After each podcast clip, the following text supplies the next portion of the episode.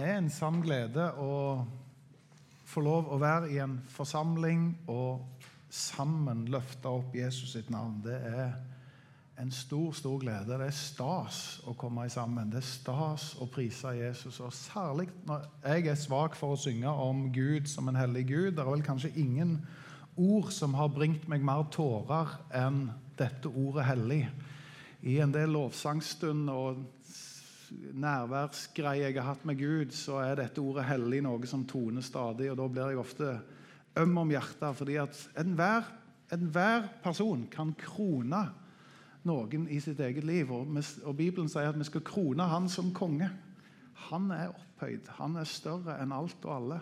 Og Det kan vi få bestemme oss for hver enkelt av oss og si at du er en hellig Gud. Og deg vil jeg gi oppmerksomhet og ære. Derfor er det godt å komme sammen og gjøre det.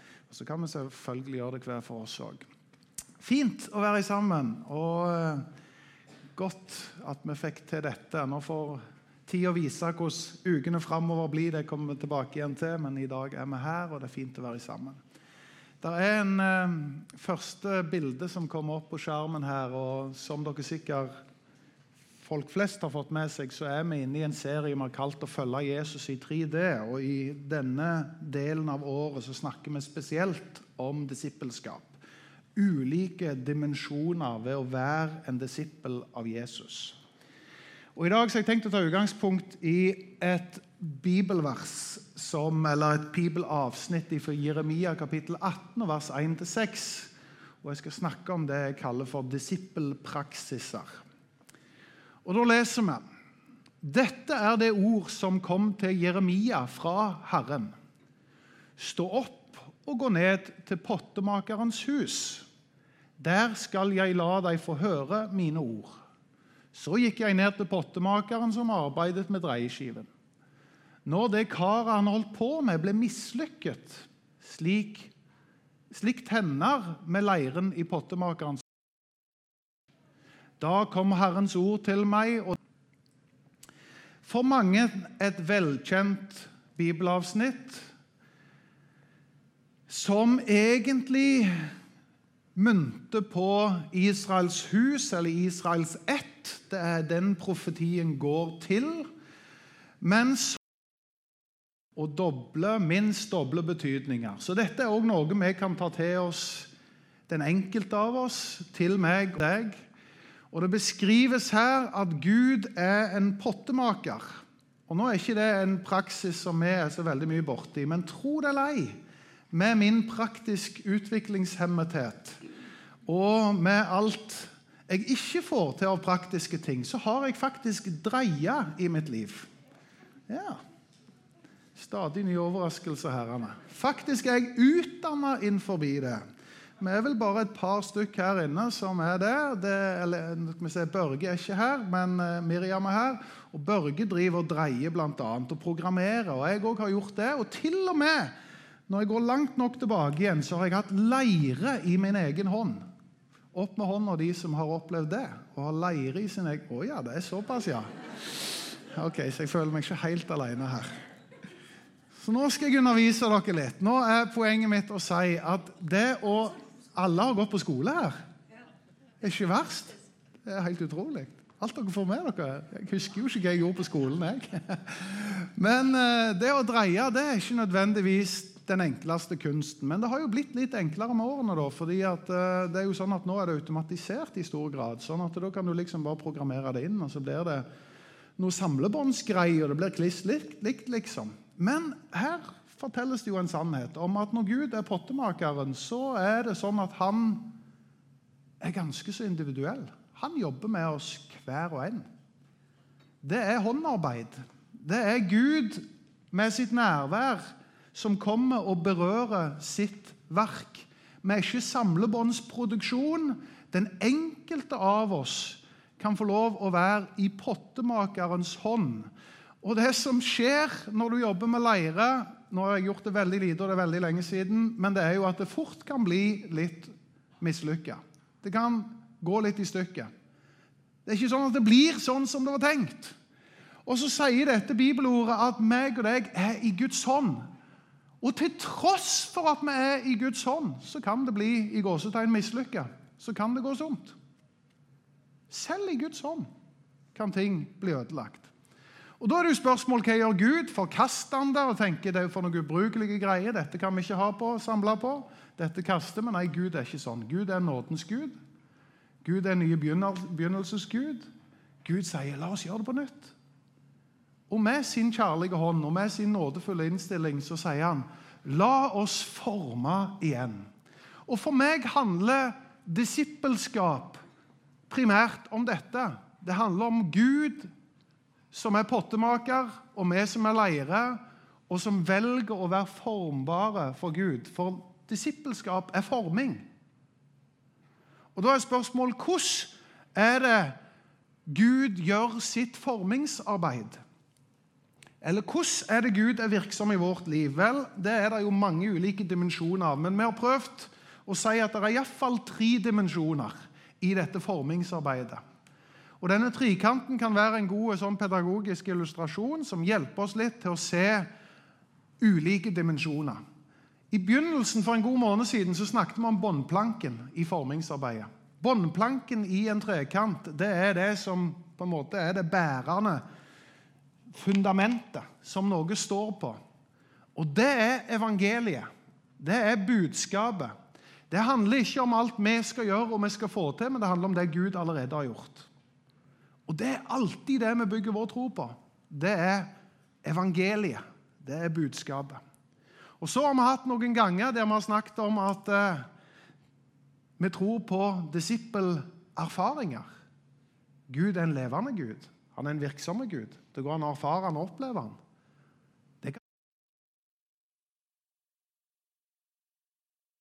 Bønn og håndspåleggelse det kan du gjøre med tungetale, med helbredelse, med forbønn. Det er mange dimensjoner av det å erfare Gud.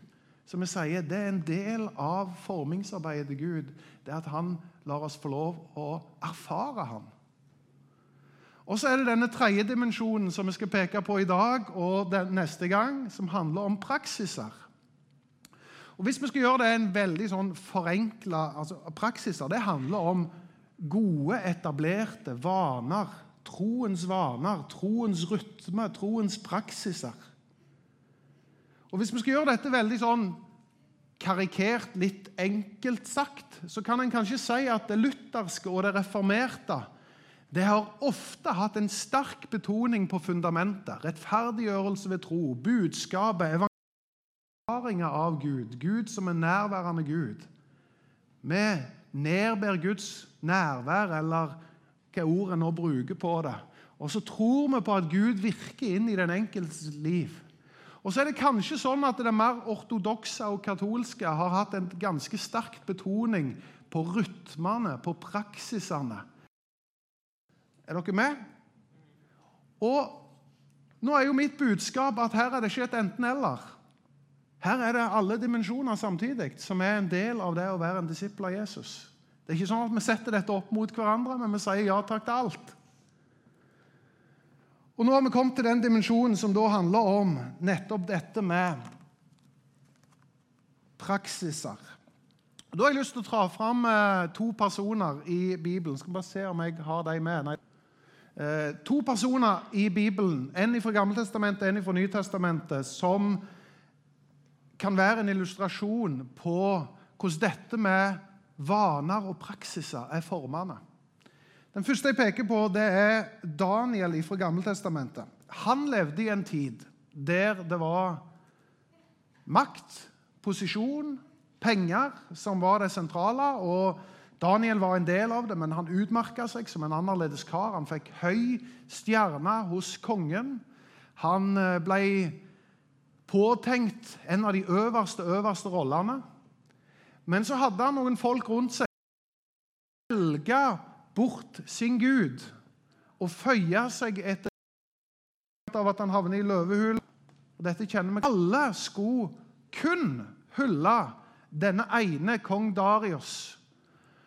Og Litt sånn motvillig så ble kongen med på det, for han syntes det hørtes utgangspunktet ut som en god idé. Men hva var Daniel sin umiddelbare respons? Daniel kapittel åpna vinduene ut mot byen Og så står det at han falt ned for sin Gud og tilba han og lovpriste han. Og dette gjorde han tre ganger til dagen. Og så står det 'som han pleide'. Altså, det var en rytme av noe som han gjorde regelmessig, daglig. Det var en troens rytme i Daniel sitt liv. Og så kommer presset. Så kommer ytre omstendigheter. Så kommer alle ting som har lyst til å forme deg om. Så kommer alt som har lyst til å si nei, ikke vie deg til Gud. Deg, gi deg heller hen til de sekulære kreftene. Bli heller opptatt av makt og posisjon og rikdom som alle andre. Og så sier Daniel jeg nekter. Jeg lever midt i verden, men jeg lever annerledes. Enda mer pes og press. Hva forteller dette? Det forteller om noe som holder oss på sporet. Og jeg tror på, midt i alt vi skal føle, føleri og følere, så er det noe som skal være en fasthet av en rytme som hjelper oss å holde oss på sporet. Går vi til Det nye testamentet og til eksempler over alle eksempler, så er det Jesus sjøl vi kommer til.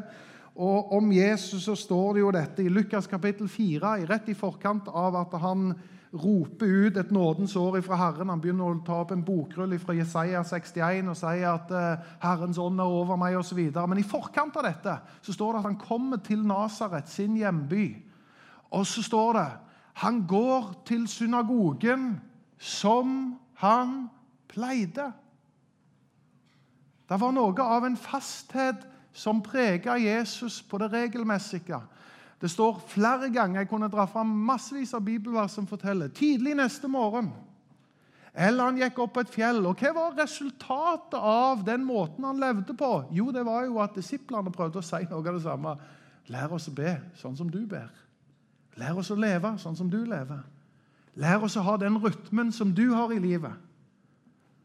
Jesus, midt i spontanitet, i fleksibilitet, i bevegelse, i erfaringer, så hadde Jesus en fasthet og en rytme som preget hans tro, som preget hans hverdag og hans liv. Og Da har jeg altså stilt spørsmålet hvordan er det Gud gjør sitt formingsarbeid i oss? Vel, jeg tror at når det gjelder fasthet, så tror jeg på å finne noen faste, gode rytmer som holder oss på sporet. Nå tenkte jeg å ta fram ti stykk. Dette er ikke rocket science, fordi at dere har hørt om de før, og dere kjenner til de, men jeg tar fram ti formende praksiser. Og Jeg skal ikke snakke mye om hver enkelt, det er bare en touch av alle de. Og jeg tenker, I disse finner du essensen av noe som kan være en troens rytme i våre liv. Det første er gudstjenesten. Har jo en 2000 år lang historie, og mer enn det òg, hvis du tar med Israels folk og tempelets betydning og tabernakelets betydning og betydningen av feiringen, som de første kristne tok videre, og de samles på tempelplassen. Det var en regelmessighet i at de kom i sammen og feirte. Og jeg tenker, Som kristne så trenger vi å stadig høre det at Gudstjenesten, storsamlingen, feiringen av Jesus Kristus, det er en fasthet og en rytme som Jesus, eller som forfatteren av Hebreabrevet sier La oss ikke holde oss vekke når menigheten samles, men la oss komme sammen. La oss ha det som en fast rytme. Og Jeg har kjent meg utfordra på dette punktet etter at jeg, tenkte meg litt om. fordi at nå ja, Utenom noe sommerferie, Norge, så har jeg vel kanskje gått til gudstjeneste fast mer eller mindre hver søndag i 25 år. Det er ganske mye, det. Det blir en del søndager og sånt. Og så har jeg tenkt Er det primært, Knut, fordi at du stort sett har hatt en rolle og en oppgave? Det kan godt hende. Er det fordi du har vært ansatt? Ja, det kan godt hende. Men jeg håper og tror at det stikker dypere enn som så.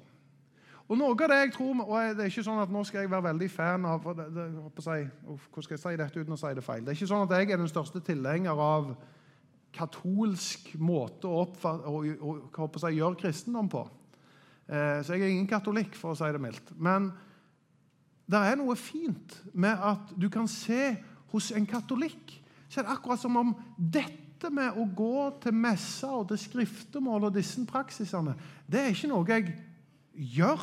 Det er vel så mye noe jeg er. Det er en identitetsting.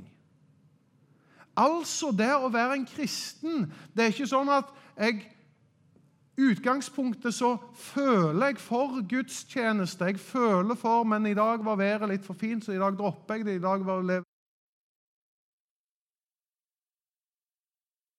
men neste, ja, nei, neste serie det, den kjenner jeg, den treffer ikke meg noe særlig. Så da holder jeg meg unna. Altså, det går an å ha den type tilnærming at en føler fra gang til gang. Og da er det noe en gjør. Mens hvis det er noe en er, så er det en del av livet mitt. Det er sånn jeg lever livet mitt. Det er troens rytme for en disippel. Jeg kjente at det utfordra meg, og jeg tenker det tror jeg vi har noe å lære av enkelte andre kirkesamfunn. Jeg tar det videre til det kristne fellesskapet og sier at hva er det kristne fellesskapet? Jo, selvfølgelig er jo det gudstjenesten, men jeg prøver å spisse det inn og si det er dette å lene seg inn mot et kristent fellesskap som kommer til uttrykk på så mange måter. Det kan være hjemme på besøk hos noen, det kan være å gå tur med noen, det kan være ei husgruppe, ei bønnegruppe. Det kan være opplevelsen av at jeg her er jeg ønska, her er jeg savna, her er jeg velkommen. Her er jeg en som blir sett, en som blir anerkjent. Dette er mitt hjem. Og Det kristne fellesskapet tror jeg er en sånn en rytme og en praksis som har en formende dimensjon ved seg. Det tredje jeg nevner her, det er natt vise en liten ting. Og, men så har jeg mer og mer begynt å oppdage det, og nå begynner jeg nesten å savne det når vi ikke har det. Og vi har jo hatt nå et halvt år uten nattverd pga. korona. og Da vil jeg si ikke legg vekk nattverden. Feir den hjemme med familien. Nå har ikke vi gjort det de siste månedene. Jo faktisk en god stund siden, så jeg får ta det til meg sjøl først og fremst. Men vi har bestemt oss i husgruppene at vi skal gjøre det hver gang i husgruppa. Vet du hva? Dette er liksom, Jeg ser bl.a. på 71 grader nord. og Når de tuller seg til litt og kommer seg litt vekk, så må de av og til stoppe opp, finne fram kartet, fram med kompasset, og så må de finne ut hvor er vi, og hvor skal vi. Og Det er en sånn navigeringsrunde. Og Det å komme tilbake igjen til et sentrum og et utgangspunkt, det å samles om det mest sentrale, det er nattverden i sin beste form. Gjør dette så ofte som dere gjør det, til minne om meg. Ikke så sjelden, men så ofte så dere gjør det. Til minne om meg. Her i dette så samler vi oss rundt sentraler i den kristne tro ved å dele nattverd. Jeg oppmuntrer oss alle til å omfavne nattverden. Den fjerde praksisen som eh, selvfølgelig vi òg har hørt om mange ganger før, det er jo dette med Guds ord, Bibelen. Og Det er jo der Gud taler primært. Så selv om Gud taler i tanker, selv om Gud taler gjennom impulser vi får, så er primærkilden til Guds tiltale det er Guds ord. Det er der Gud har sin stemme. Det er Gud sin røst i tiden. Det er Bibelen. Og så kjenner vi til at det bl.a. sammenlignes det med å spise mat.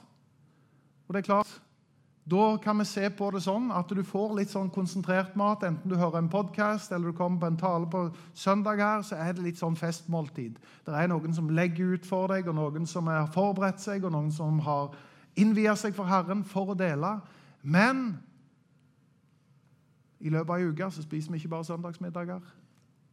Det hender vi har både knekkebrød og yoghurt, og for min del sjokolade og sjokopops og litt forskjellige greier det regelmessige, hverdagsmaten. Skjeva med Nugatti. Enda mer skjeva med Nugatti osv. Hverdagsmaten. Vi trenger det. Noen doser med jevne mellomrom. Guds ord gir oss mat. Det er Guds tiltale. Tenk å få en fasthet i det. Det er med å forme oss. Guds ord er formende. Den femte praksisen, som er bønnen. Og eh, Jeg tenker at i disse tider som er koronatider, der vi får klar beskjed, begrense nærkontaktene, holde avstand, så fins det noe her som jeg sier er stikk motsatt. Det er nærvær, og det er nærkontakt som kan pleies. Samtaler med Gud. Øse ut hjertet sitt. Dele det som er på innsida. La det få lov å være en rytme av bønn. For min del så er det sånn at uh, Guds ord jeg, uh, kommer jeg mye borti fordi jeg skal forberede ting og tang, men jeg er best med det på morgenen. Bønnen er mer noe som enda større grad lever. Det er en samtale med Gud. Og det tror jeg at det er formene i seg sjøl. Faste På samme måten som det står om bønn når dere ber, så står det faktisk når dere faster. Og ofte så står det i, sammenheng òg. Er det mye som kunne vært sagt om faste, og det er nesten sånn at det er urettferdig å stoppe med ti ting og bare gi ett minutt på hver. Men det er bare et lite overblikk over de faste rytmene. Og har du ikke prøvd fasten, som handler om å avstå ifra noe for å vie seg til noe som er høyere og større, så sier jeg det er en rikdom som Guds ord inviterer oss inn i. Eh, selv om jeg tror det primære er å avstå ifra mat og kanskje til og med drikke, så så står det om ulike faster i Bibelen, og det står om eh, altså i nye Faste fra sosiale medier eller TV eller et eller annet. Det er ikke forankra i Bibelen, sånn sett, men prinsippet er veldig godt. Og det er formende å få lov å være en som faster. Lovprisning. Min katedral er en Volvo XC60. Der er lovsangskonsert stort sett hver gang, iallfall hvis jeg er alene. Av og til hvis jeg er med familien òg. Men da er, det, da er det lovsangskonsert, og jeg eh, tenker Er det noen som synger finere enn meg? Nei, det er det sannsynligvis ikke. Her er det godt å være. Gud er nær. Og så er det Spotify-en på, og så er det å synge ut og lovprise Jesus. Vet du hva? Til og med familien min er begeistra. Nei, det er det ikke er å forme. Den åttende praksisen som jeg nevner, det er å tjene. Og tjeneste det kan jo snakkes om fra veldig mange ulike vinkler. Og tjenestebegrepet er vidt. Men jeg tror det basically handler om dette. Å ha en innstilling av at det jeg er, og det jeg har, det vil jeg bruke til Guds ære. Jeg tenker Det er to store spørsmål som kommer til å stå seg den dagen Jesus kommer igjen. Og det er det viktigste av alt. Spørsmålet er du klar? Hva gjorde du med min sønn Jesus Kristus? Det er det viktigste spørsmålet. Jeg mener det er bibelske belegg for å si at det fins ett annet spørsmål. Det er hva gjorde du med dine gaver og dine talenter? Vi skal stå til regnskap. At jeg vil tjene med det jeg er og har, det er formene for oss. Det er med å få en praksis, en disippelpraksis, som er god for oss. Det niende jeg tar for meg her, det er forbønn og bekjennelse. Jeg tar med de i én, rett og slett henta ut fra Jakob kapittel 5 og vers 14, så står det dersom noen er syk blant dere, så skal han kalle til seg menighetens eldste og skal bli salva og bedt for i Herrens navn. Det er mange i dette rommet som har gjort akkurat det. Jeg har vært hjemme hos flere av dere, og vi har gjort akkurat det. Vi gjør det som Guds ord sier. I forlengelsen så står det i kapittel, eh, kapittel 5 og vers 16.: Bekjenn derfor syndene for hverandre, og be for hverandre. Og så står det 'Da skal dere bli helbredet'. Og så står det 'Ett rettferdig menneskes bønn er virkekraftig, og det utretter mye'. Poenget er at Bibelen sier noe om at vi skal ha en utstrakt hånd til hverandre. Vi skal være, vi skal være hverandres søppelbøtter. Det vil si, vi skal ikke gå rundt og spre møkk overalt. Men hvis du har noen du kan bekjenne dine synder til, så er det en fantastisk lettelse. Og så kan noen få lov å nedbe Guds tilgivelse, eller formidle Guds tilgivelse og Guds oppreisning til oss. Hvis vi er nedfor, hvis vi er syke, så kan vi få lov å legge hendene på hverandre, salve hverandre og be. Jeg tror på en troens rytme av å gå til hverandre med den, den bagasjen og det vi bærer på. Og i det så formes vi som disipler. Den tiende og siste praksisen Nå fins det kanskje flere som folk ville sagt at du har glemt det og du har glemt det. Vel, da hadde talen bare blitt lengre. Så jeg tenker ti punkter er greit. Hvis vi klarer å se at her er det noen formende gode praksiser. Og nå tenker jeg Dåp er ikke en fast praksis. at nå døper jeg meg denne uka og så døper jeg meg neste uke. og så Det er noe som er annerledes med dåp. Det er en engangsting. Men det handler om å identifisere seg med Jesus Kristus, om å begrave det gamle og reise oss opp til et nytt liv med Jesus. Og den engangspraksisen der, det har vært en ufattelig viktig milepæl og et øyeblikk i livet mitt, en praksis som har vært med og definert hvem jeg er, og hvem jeg vil følge.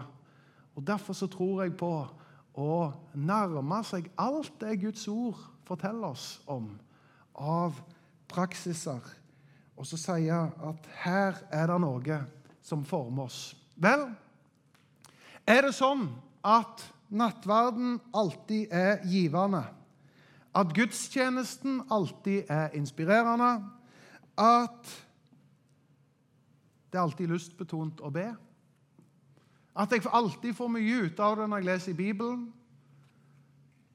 Jeg tror de fleste her inne vil si nei, det er ikke sånn at det alltid er det. Men slutter vi med det for det? Nei! Dette er det som former oss over tid.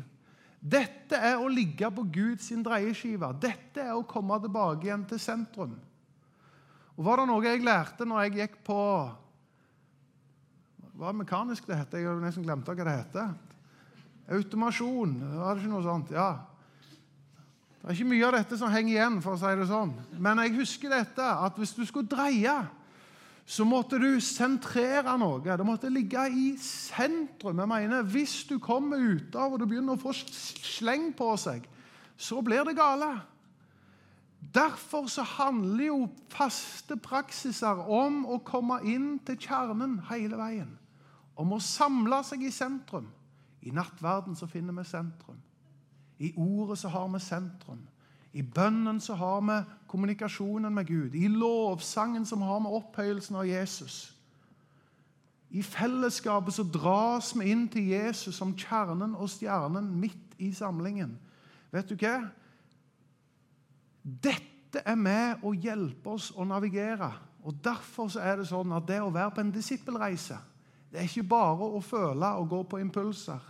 Det er ikke bare å stå på ordets grunn, men det er å få en fasthet og en rytme i livet på noe som er formende for oss, og sørge for at vi er sentrerte om Jesus Kristus. Så nå skal vi gå mot en liten lovsangsavdeling, og så er det en del av praksisen vi tror på i gudstjenesten. Det er å lovprise. Og vi skal synge 'Jesus at the center of it all'. Og det er egentlig oppsummeringen av denne trikanten. Det er det at midt i at vi har forskjellige dimensjoner av det å være en etterfølger, så er sentrum som vi sirkler rundt, og som vi sikter på, det å være Jesus-fokuserte med våre liv og med våre praksiser. Det viktigste i en menighet og blant mennesker som tror, blant disipler som oss, det er hva vi tror på. Men dernest er det hva vi gjør. Fordi at det vi gjør, forteller noe om hva vi tror på. Det viktigste er hva du tror på, ikke hva du gjør. Men det nest viktigste er hva du gjør, for det forteller noe om hva du tror på. Derfor er troens rytme, fastheten, den er med å holde oss på kurs som troende, som disipler. Derfor sier jeg omfavn de faste praksisene. Dette er formene.